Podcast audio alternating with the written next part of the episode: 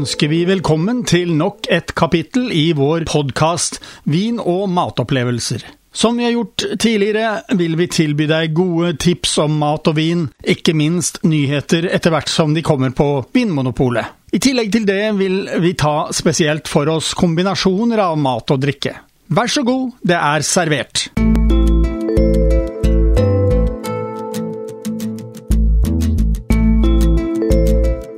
Ja, Jan Egil, nå sitter vi her med en del flasker foran oss, og vi har to eh, prøveglass. Så eh, hva er den første vinen du har trukket fram her? Ja, det er faktisk en uh, Francia Corta. Det er Francia Corta Mosnell. Francia Corta-vinene er fra Lombardia, som er et område som ikke ligger så veldig langt fra Milano. Det folk kan uh, merke seg, det er at uh, dette er en musserende italiensk vin som er lagd på champagnemetoden. Altså, med andre ord Italias svar på champagne. Dette er viner som gjennomsnittlig ligger ganske mye høyere i pris enn Prosecco, som vi kjenner godt. Mange kjenner nok Prosecco, ja. Og eh, du har jo spumanteviner også, som også er eh, musserende. Men eh, dette er noe annet? Det er absolutt noe annet. Den er også produsert på en helt annen måte enn Prosecco, som er godt kjent. Annengangsgjæring på flaske.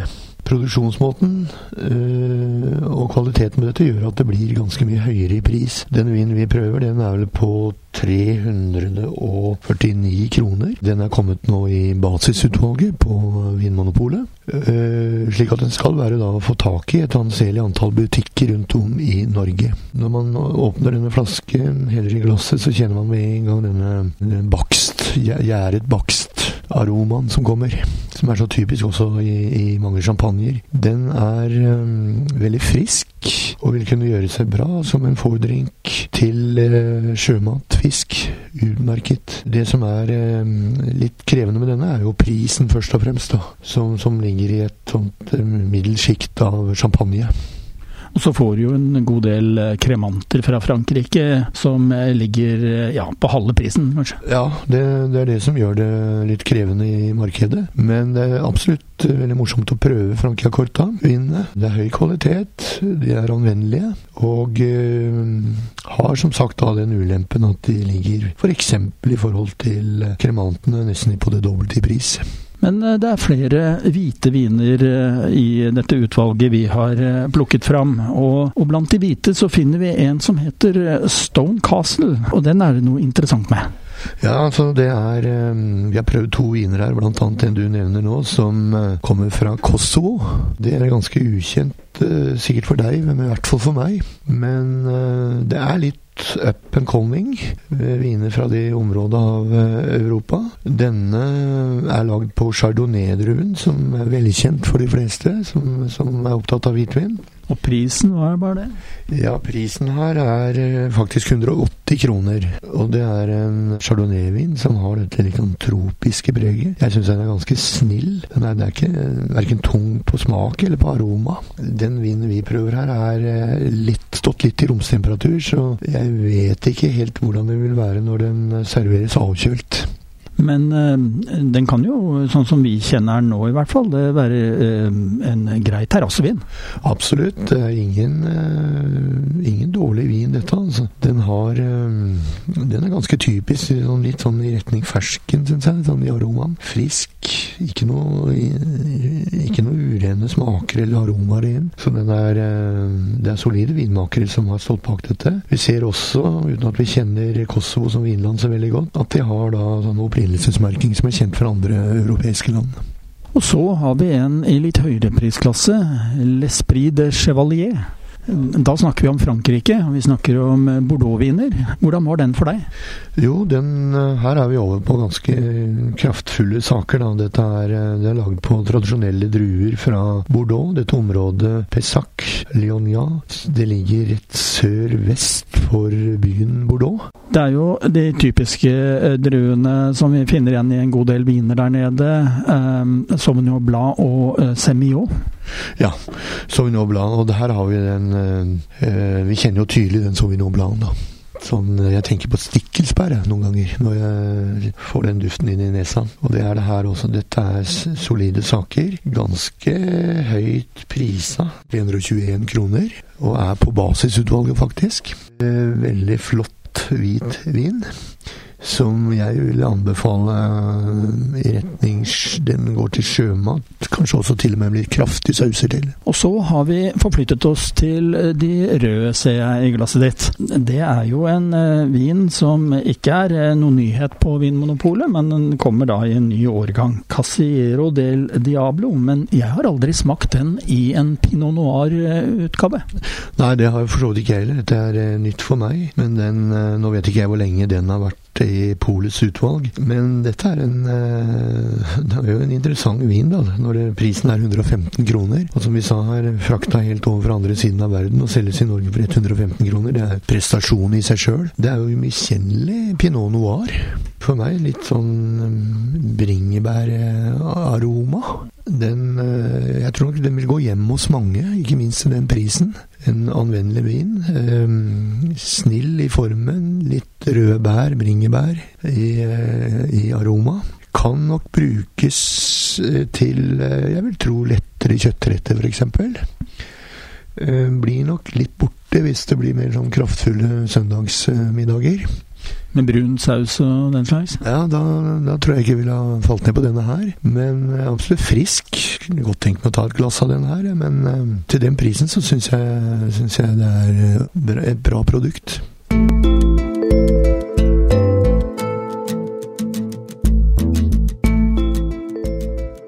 Vi forflytter oss videre, og vi har kommet til Frankrike.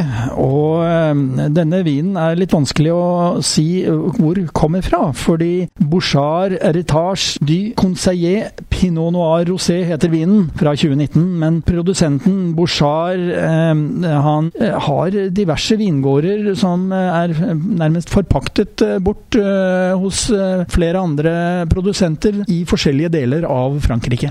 Ja, det er vel Eh, han har vel disse produsentene, disse gårdene rundt om i de mer sånn nordlige delene, da. Pinot noir-områdene. Og eh, dette er jo en pinot noir rosé. Pinot noir er jo en veldig krevende drue som er kjent fra Chablis, Champagne, nordlige områder, og tåler vel egentlig ikke altfor mye varme. En eh, følsom drue. Denne er eh, veldig delikat, fin farge, veldig tiltalende. Sånn, jeg vil si litt jordbær, sånn markjordbærpreg på aromaen og også på smak. Så den, eh, det er jo en veldig flott uh, rosévin for sommersesongen, sånn som jeg vurderer den. Prisen er jo slett ikke gæren, uh, Karl Erik. 130 kroner. Ja, det er klart den.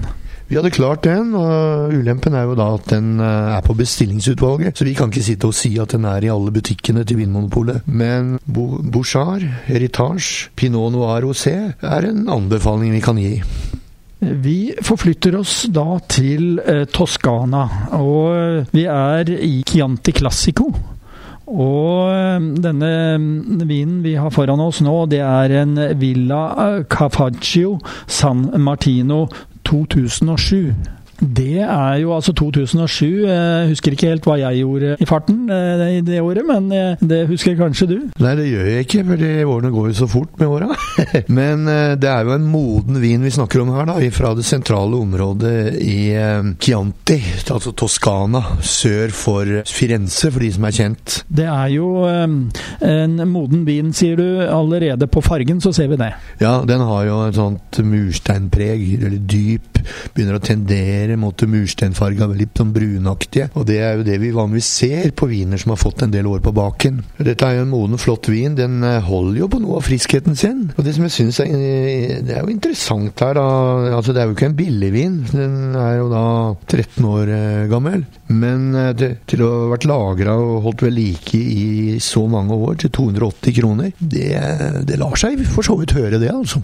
Hvis du vil ha en uh, spesiell og god uh, søndagsmiddag uh, med mye godt til, så kan du jo velge en sånn vin, da. 100% Sangiovese. Den kjøper jeg, Karl Erik. Det, absolutt. Det er ikke ofte at vi prøver såpass modne viner da, som 13 år gammel, men i dette tilfellet så vil vi kunne gå ut med en anbefaling, syns jeg, til akkurat i den retningen du sier, hvis du er på let etter noe til en solid søndagsmiddag. Det er uh, storfe uh, som er anbefalt til denne, det er vilt, og det er en uh, pen liten harepus som er tegnet på, på, kartet her.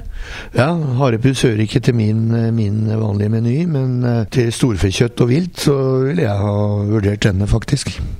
Vikingene var jo ehm, på tur ofte i eh, Bordeaux-området. Vi snakker om årene fra rundt 900 til 1000. Og de, ja, noen vil kanskje ikke kalle det en eh, god, god gammel norsk chartertur? Kanskje det var forløperen. 1000 år før. Det, de var jo der nede og herja vilt, og satte sikkert sitt preg på vinmarkene også, vil jeg tro. Jeg tror det ble svidd av ganske mye vinmarker der nede, etter det jeg har lest. Ja, det, det vi ser her, da, denne pap Clement fra Pessac, det er jo at uh, de fikk i, fikk i, gang igjen uh, vinproduksjon fra 1252. Da ble dette vinhuset etablert, da, slik som de kjenner det. Og da hadde de fått av gårde disse um, vikingene på en eller annen måte. Eller kanskje de var blitt locals etter hvert, jeg, ikke vet jeg, men de herja ikke lenger, i hvert fall. Nei, altså Det var en stor plage med stadig vikinger i vinåkeren, så de eh, fikk hjelp til å kaste ut vikingene. Og tydelig at eh, det var god, eh, god hjelp og støtte, så vikingene forsvant til slutt. Og vikingtida var vel over også på når du begynte å nærme deg 1100-1200-tallet. Ja, vi kan le av det i dag, men det var sikkert et eh, borgerkrigslignende tilstander i årtier med de folkene rasende rundt. Og eh, de var vel ikke akkurat det vi kan kalle eh, menneskevenner, da, som eh, var bare på fredelig, fredelig besøk. Men det vi ser, er at, at vinproduksjonen har tatt seg opp da, i andre halvdel av 1200-tallet. Og etter det jeg har lest, så, så tok det ca. 200 år før de fikk eh, orden på vinproduksjonen igjen. Ja, og Da kan jo dette være et av de første vinhusene som kom ordentlig i gang igjen. altså. Sikkert en etablerer, denne familien da, som satte i gang med disse Pap Clement-vinene. Pap betyr jo pave, og Clement er jo en av pavene.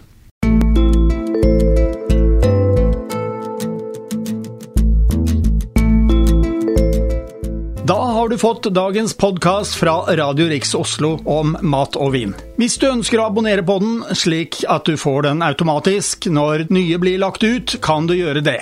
Lykke til! Kommende mandag får du neste kapittel. Vi høres!